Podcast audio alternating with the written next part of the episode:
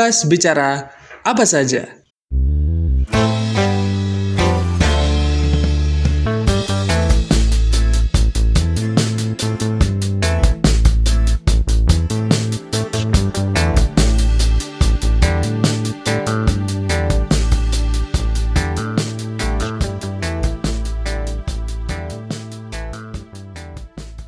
Segmen ini merupakan segmen obrolan di mana kami mengutarakan pendapat kami sebebas mungkin. Kalaupun pendapat kami tidak sesuai dengan acuan yang ada, itu merupakan pendapat bebas kami. Silakan kritik, komentar, like, subscribe, dan share jika kalian berkenan.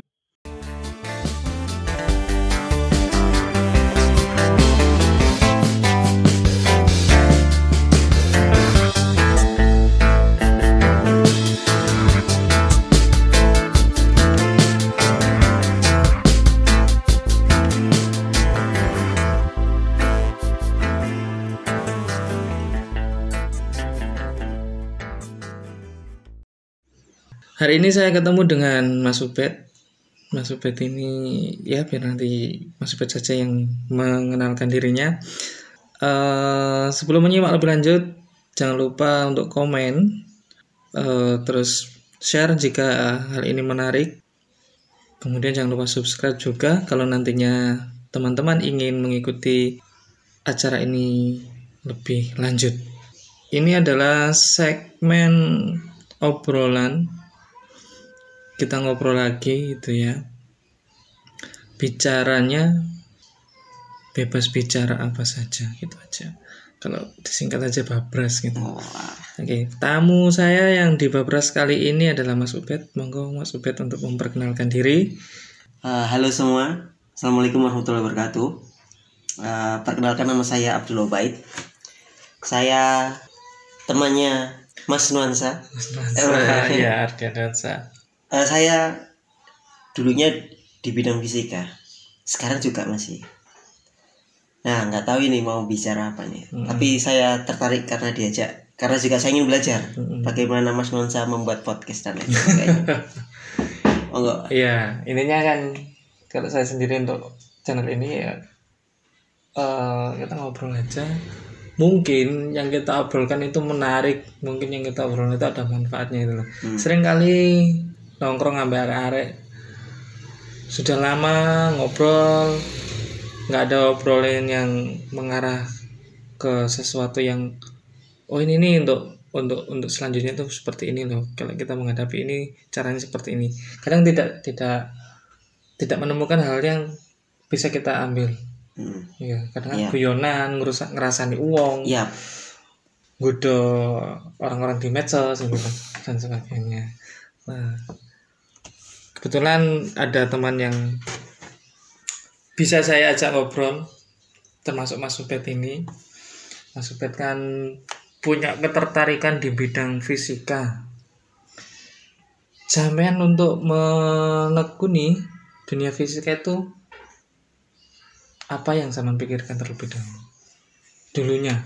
Dulunya. Oke fisika kalau bagi saya itu tidak bisa ditebak. Mm-hmm. Kalau juga, orang lain pasti bilang ilmu eksak itu satu tambah satu selalu dua. Ya. Yeah. Kemudian apa? Ilmunya ilmu pasti. Jadi tidak ada dinamikanya, lempeng aja. Nggak kayak nggak ada detak jantungnya. Padahal. Padahal nanti kalau mau meneruskan lanjut itu akan menemukan bahwa fisika itu sangat fleksibel. Sangat fleksibel. Sangat fleksibel. Contoh-contoh kefleksibelan fisika itu apa? Oke, gini. Uh, di sini kita ada di ya di, di uh, sekitaran Jombang. Mm -hmm. Anggaplah kita mau ke Surabaya. Mm -hmm. Oke. Okay. Oke. Okay kita memiliki pilihan. Mau mandiri bisa jalan kaki mandiri kan? Hmm. atau naik motor naik mobil sendiri ya. Kemudian ada naik angkutan umum dan lain sebagainya. Nah pilihan ini fleksibelnya di sini kalau kita pastikan dari Jombang ke Surabaya anggap saja 80 km per jam. Per kilometer jarak jauh. Oh, jarak- jarak jarak jarak jauh. jarak jauhnya 80 km kita anggap saja seperti itu. oh iya iya Kemudian kita menggunakan kecepatan anggap saja 50 km per jam, Mm-mm. maka di situ pastinya ketemu sekian persen, sekian mem- membutuhkan waktu sekian. iya oh, iya iya benar. Nah, pertanyaan sederhana, pertanyaan sederhana, apakah dalam perjalanan itu tidak terjadi apa-apa? Oh iya ban bocor Ah itu itu mungkin it- Oh, gimana, kita, gimana, kita gimana? kita asumsikan saja bahwa dia akan tetap terus berjalan tanpa berhenti. oh gitu asumsinya seperti itu Nah, kita asumsi kita jadi bisa dipercepat, bisa diperlambat. Mm, Belok apakah selalu cepat? iya Nah, apakah itu kan jadi di situ fleksibilitasnya dari fisika. Jadi kenapa ilmu sains dianggap ilmu pasti? Karena yang di, yang dilihat adalah dari ujung awal ke ujung akhir. Nah, itu yang dianggap pasti sih. Itu sebagai contoh. jadi Kamu ini ini ngomong no relativitas sih Iya, jadi itulah. Kalau kalau oke kita lewat jalur A. Oh, Iya. ternyata dia itu ternyata 10 belok kanan, 10 belok kiri. Oh, jalur B Oh. ternyata nah. Oh, iya seperti itu. Mm. Walaupun sama-sama dari Jombang ke Surabaya, tapi kalau kita muter ke Jakarta boleh nggak? Boleh Boleh. boleh Nah, itu untuk di pelajaran fisika itu salah satu bab pertama Apa? tentang kecepatan dan perpindahan. Kalau kecepatan kayak tadi dari awal sampai akhir, tek. Mm-mm. Kalau perpindahan beda lagi. Mm-mm. Dari titik satu ke- muter ke mana pun, kemudian di titik dua itu jaraknya. Tapi kalau jarak maka yang dilewati itu tadi. Mm. Nah, kira-kira paham atau enggak? Kira-kira gambarannya fisika itu seperti itu menurut Pak Ubed. Mas aja. Oh iya, Mas Ubed. Menurut Mas Ubed itu seperti itu. Sampai sejak kapan sih tertarik tertarik hal-hal yang katakanlah sains gitu ya? Percobaan-percobaan gitu mulai anak usia dini nggak? TK, eh TK. Wis TK. Percobaan-percobaan gitu. Jadi sebenarnya gini, saya itu punya imi- imajinasi yang cukup rumit sebenarnya. Heeh. Eh, dulu di TK kan apa berangkat diantar pulang sendiri. Oh ngono. Iya, ya kan? Heeh. Ada yang ditungguin. Kalau saya nggak ditungguin sih, Mm. tapi pulang sendiri, jalan sendiri. Kalau banyak teman-teman ngumpul bareng gitu, saya nggak, saya sendiri. Nah, waktu itu kalau itu waktu TK itu saya punya ah, bukan bukan idola sih. Eh, saya anggap aja terinspirasi seorang Superman. Mm. Jadi dulu di rumah itu dari dapur kalau namanya orang orang desa kan biasanya kan lurus saja dapur ke ruang tamu kan lurus, Lurus. Nggak- tidak membentuk belokan belokan belokan gitu kan. Mm. Nah itu saya mengimajinasikan diri saya pakai baju yang Baju eh, kancingnya kancingnya dilepas Mm. itu kan kayak apa namanya eh, Sayapnya Superman. sayapnya Superman nah gitu Jubahnya Superman. jubahnya Superman.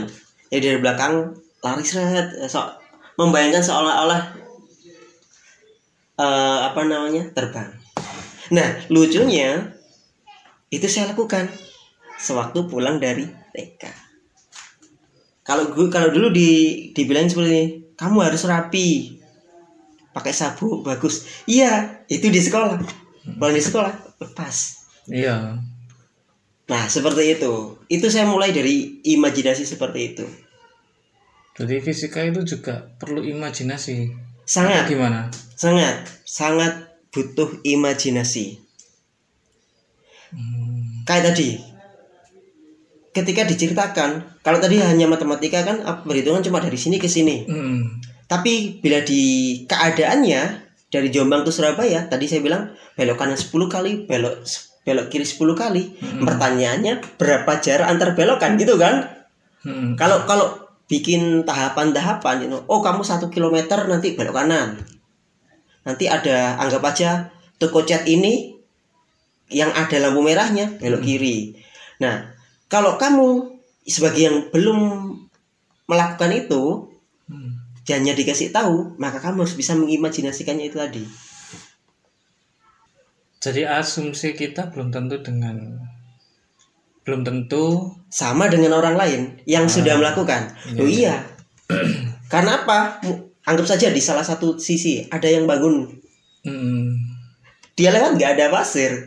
Ya, kita lewat ada pasir karena butuh material ya seperti itu. Nah jadi terms dan kondisinya pada dasarnya itu berbeda. Tergantung kejadiannya tadi. Kalau menggunakan titik awal titik akhir maka akan selalu dianggap sama konstan. Seperti itu. Pasti. kan kita pakai apa ah. lewat mana iya. nah seperti itu. Hambatannya apa gitu juga Hal-hal hambatan yang- bisa bisa hmm, kalau punya keyakinan kuat kemudian eh udahlah aku positif aja pasrah. Yang penting aku melakukan masalah-masalah kayak tadi misal ada pasir di pinggir jalan itu apa nggak akan jadi masalah. Hmm, fisika itu relatif sama dengan ilmu ekonomi. Lo serius? Gimana gimana gimana? jika itu ya, karena di fisika sama ekonomi ya, stok kenapa kan gini ya apa jadi jika permintaan banyak Iya. Maka harganya naik iya pertanyaannya lalu itu bisa seperti itu ya it- itu kan seperti rumus apa namanya pasti awal akhir gitu kan ya Tapi kalau dibilang stoknya berapa yang ada, nanti peningkatannya berapa? hmm, Ah itu kan berbasis kejadian. hmm, hmm. Ekonomi juga seperti itu. Itu itu itu salah satunya ya. Satu lagi yang yang sama adalah fisika dan ekonomi adalah ilmu yang mengukur efektivitas.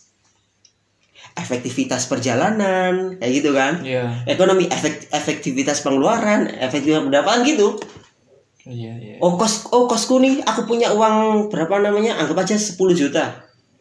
Aku nge-spend anggap aja 8 juta.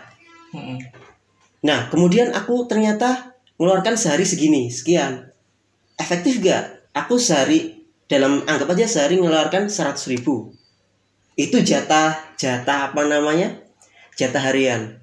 Kemudian ternyata kita dalam satu hari ternyata menghabiskan anggap saja 70 ribu atau 80 ribu berarti kan ada kos yang diefektifkan di situ. Yang yang ujungnya nanti bisa ditabung. Ya ya ya. Kalau di yang lain setahu saya nggak ada. Gitu ya. Iya. Jadi apakah fisika itu pasti? Enggak belum lagi satu lagi untuk imajinasi bahwa nanti di fisika itu ada yang namanya diagram apa itu namanya diagram Cartesius yang x y z ya paham Nah, kalau XY aja gampang karena sumbu datar dan Sumpah uh, sumbu vertikal, horizontal dan vertikal. Kalau ditambah sumbu Z bagaimana? Nah, harus bisa. Aku ada di aku ada di titik 32 3,2,1. Nah, pertanyaannya kenapa kok se kenapa kok tadi dibilang fleksibel? Nah, karena kita hidup di ruang tiga dimensi, tergantung pada posisi dan keadaan itu tadi. makin berat ini ya enggak enggak enggak enggak ya itu aja sekilas sekilas ya semoga mau Iya. Kalau keseharian kita ya, reaksi-reaksi mungkin yang hal-hal yang sifatnya teknis dan fisika itu Hmm. mesin, mesin Iya. motor, ya betul itu kan. ya Terus apa meneh ya? kipas angin itu fisika Iya kipas angin juga. Terus ngimbu gedang, ngimbu buah-buahan, itu fisika apa kimia? fisikanya Ngimbu apa? ya? Peram. ya fisikanya itu ada di lingkungan suhu berapa kelembatan berapa itu adalah parameter fisika Mm. Objeknya biologi Iya, yang terjadi adalah kimia oh gitu. iya Jadi proses ngimbu gedang katakan ya. Iya. Memeram pisang dengan karbit iya gas gas karbit Gas. itu gas apa ya? Gas metan. ah nggak tahu aku kalau nggak Gas namanya ya? Pokoknya gas karbit itu Iya. ya.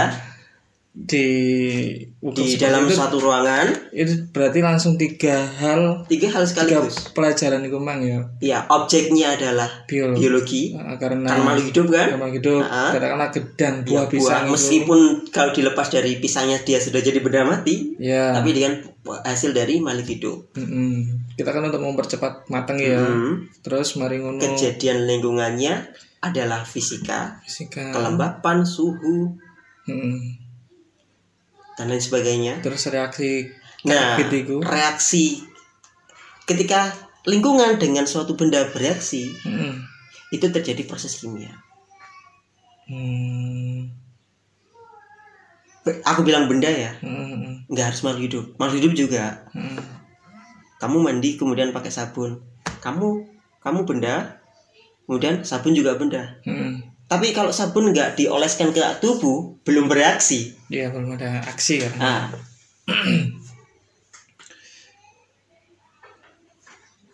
Aku tertarik dengan karbit. Iya. Karbit itu iso di petasan. Iya. Tapi iso dadi eh pelita ublik. Oblet ya lampu kenapa lek petasan dengan meriam karbit itu kan lubang kecil di atas lubang besarnya kan di depan Mm-mm. jadi ledakan tapi lek diadai kaleng kalengnya di bolongin dukure Mm-mm. ternyata cuma nyala atau di gampangannya lek biar itu di ditaruh dalam tanah ditutup tanah Mm. tanahnya kasih air dikasih lubang pakai sapu lidi dinyalakan poinnya kembali ke gak jauh-jauh dari tiga ilmu tadi. Karbit tadi kalau tadi tadi kalau apa pisang sebagai subjeknya. Mm, kemudian karbit juga sebagai subjeknya. Mm. dikurung bersama dalam sebuah lingkungan fisika bermain. Kemudian yang terjadi reaksi. Nah itu itu juga sama yang dibilang itu tadi karbitnya sendiri dimasukkan dalam suatu lingkungan. Mm, kemudian di ada lubang setil yang bisa dinyalakan gitu kan? Mm, nah yang di dalam yang di luar lubang kecil tadi itu adalah kalau di bahasa penelitian adalah kontrolnya biar tidak lari ke mana-mana biar cukup berinteraksi pada satu jalur. Nah sedangkan di apa? Meriam. Meriam meriam meriaman nah lihat. Meriam karbitnya reaksinya ada di mana? Apakah lewat satu lubang itu tadi? Ataukah keseluruhan? Karena tadi sat kalau di uble itu tadi kan interaksinya kan cuma satu. Nah kalau di meriam ada berapa lubang yang dapat berinteraksi dengan lingkungan luarnya satu untuk pemicunya. Satunya untuk mengeluarkan itunya. Tekanan. Iya tekanannya. Tapi kalau ada ada kaleng di lubangnya kurang tahu jajan nih mungkin meledos juga sih karena ada ruang kosong di dalamnya. Nah makanya tapi kan itu- sing eh sing di tanah, itu Tanah. kan jelas nyala itu. Kondisinya makanya Hmm. kembali lagi fisika kalau yang bilang fisika itu pasti ya nggak apa-apa. Karena mindsetnya adalah di awal dan di akhir. Ketika lebih detail ke arah Hmm. perjalanannya bagaimana maka fisika sama-sama sama saja kayak ilmu sosial yang susah diprediksi. Walaupun ujungnya bisa dibuatkan rumus. Angel nih dulu apa? Belajar fisika itu angel kalau ada orang yang berpendapat seperti itu zaman apa yang zaman utarakan? Ya nggak apa-apa. Nggak apa-apa ya? Nggak apa-apa. Kalau bagi saya menghafal itu susah. Nggak maksudnya zaman pingin nggak me- memudarkan uh, anggapannya seperti itu? Oh gak keangel kok fisika gampang. fisik kalau fisika yang paham fisika Hmm. itu seperti cerita tadi kan sudah contoh perjalanan tadi kan oh Hmm. lewat sini 10 belok kanan 10 ke belok kiri gitu kan Hmm. akhirnya yang sudah melalui bisa melakukan cerita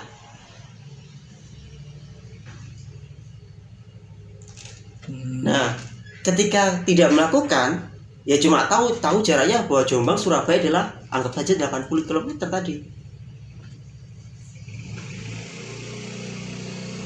Ja, jadi kalau kamu tahu fisika ah, intinya gini deh kalau kamu suka bercerita Hmm. kamu bisa fisika. Karena apa? Fisika itu saling berkaitan. Apakah saya pak fisika rumusnya? Banyak. Saya nggak ngafalin. Saya runut ceritanya itu tadi. Yang awalnya anggap saja menguk kalau di materi SMA kan mengukur dulu. Hmm. Kemudian Dikit- apa Ketahui ini. diketahui ya. Intinya mengukur dulu tahu dulu. Ah. tahu dulu ini ukurannya apa sih ya apa itu dulu. Iya. terus kemudian mengkonversi. Mengkonversi apa? Dari kilogram ke gram. Hmm. kita masih belum tahu ceritanya itu. Kita masih tahu aja ukurannya. Kemudian tahu bergerak 10 km per jam. Bagaimana? Oh kok naik motor lebih dari 10 km per jam nih oh rasanya seperti ini. Oh ternyata 10 km baru bisa cerita. Kalau fokusnya menghafal dan menghitung ya kayak tadi tahu awal tahu akhir. Tapi kalau menjalani menjalaninya Hmm. kayak cerita. Oh 10 oh rasanya 10 km per jam seperti ini. Oh rasanya 100 km per jam seperti ini. Oh rasanya 120 km per jam seperti ini. Jadi bisa diceritakan nah masalahnya fisika itu susah karena tidak diceritakan hanya diajari untuk Dihitung. dihitung tahu awal tahu akhirnya Hmm. Kalau biologi gimana? Coba pernah gak lu pikir? Pak, kenapa kok kita makannya nasi, makannya pizza, makannya ketela, Hmm. makannya gandum, makannya apa pun, kok bentuknya sama-sama itu ya kalau keluar? Catatannya bodoh. Nah, berarti ada apa? proses kan? Iya. Nah, Cuma Jadi- kan yang, yang ya, kalau katakanlah makanan seperti itu ya, iya, itu yang merasakan reaksi tubuh ya. iya, Tergantung orangnya juga dia alergi atau apa atau apa Mm-mm. kan juga pengaruh itu. iya. Nah, intinya kamu makan kan? Hmm. Berarti kamu menjalani kan? Hmm. kemudian ke- keluarnya kan kamu menjalani nah fisika kan harus gitu makanya bisa diceritakan kalau kita menjalani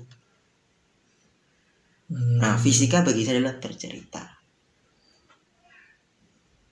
Apakah materi lain seperti itu? Iya fisik kimia juga gitu. Eh, zat A campur zat B jadi apa? Zat C campur zat D jadi apa? Eh, dulu itu yang paling sering untuk biologi menanam kecambah. Menumbuhkan kecambah. Men- Iya. Nah, kenapa ada situ? Basisnya adalah pengetahuan langsung fisik. Apakah pasti seluruh seluruh tumbuhnya sama? Walaupun eh, itunya sama? Lingkungannya sama? Belum tentu. Iya. Tapi fisika itu selalu berhubungan dengan hal teknis gak? Selalu.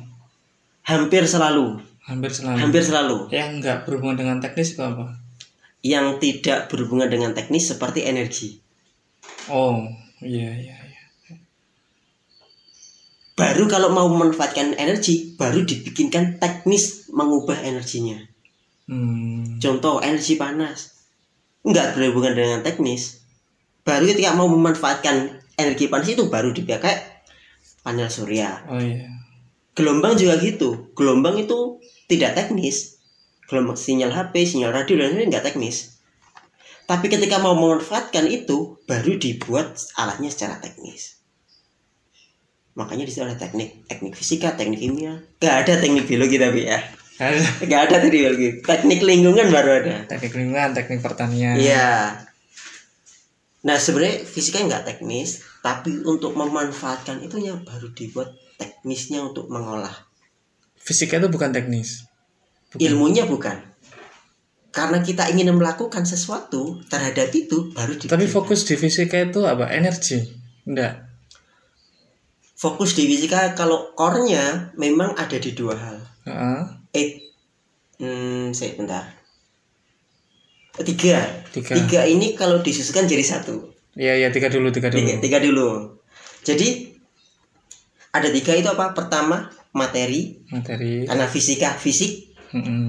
Kemudian kedua adalah gelombang. Heeh.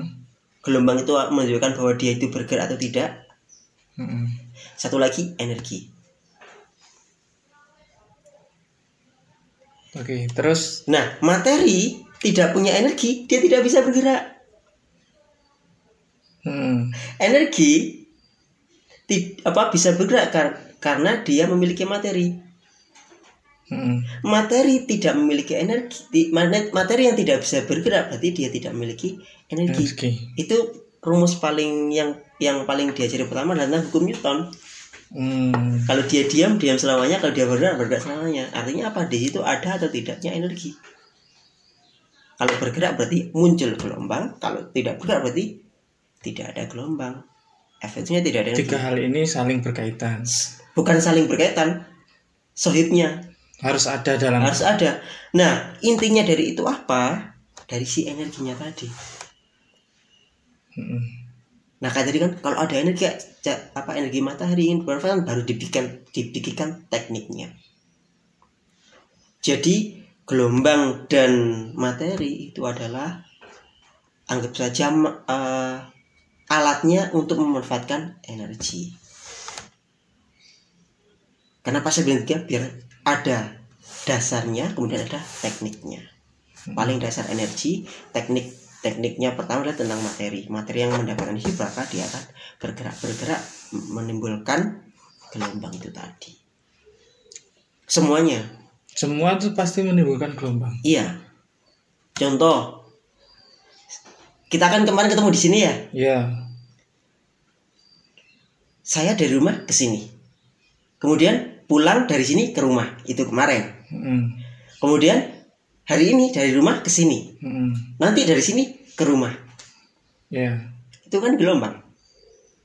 hmm, A- kalau definisi gelombang ada pun ada bukit, ada lembah, hmm, ada berangkat, ada pergi.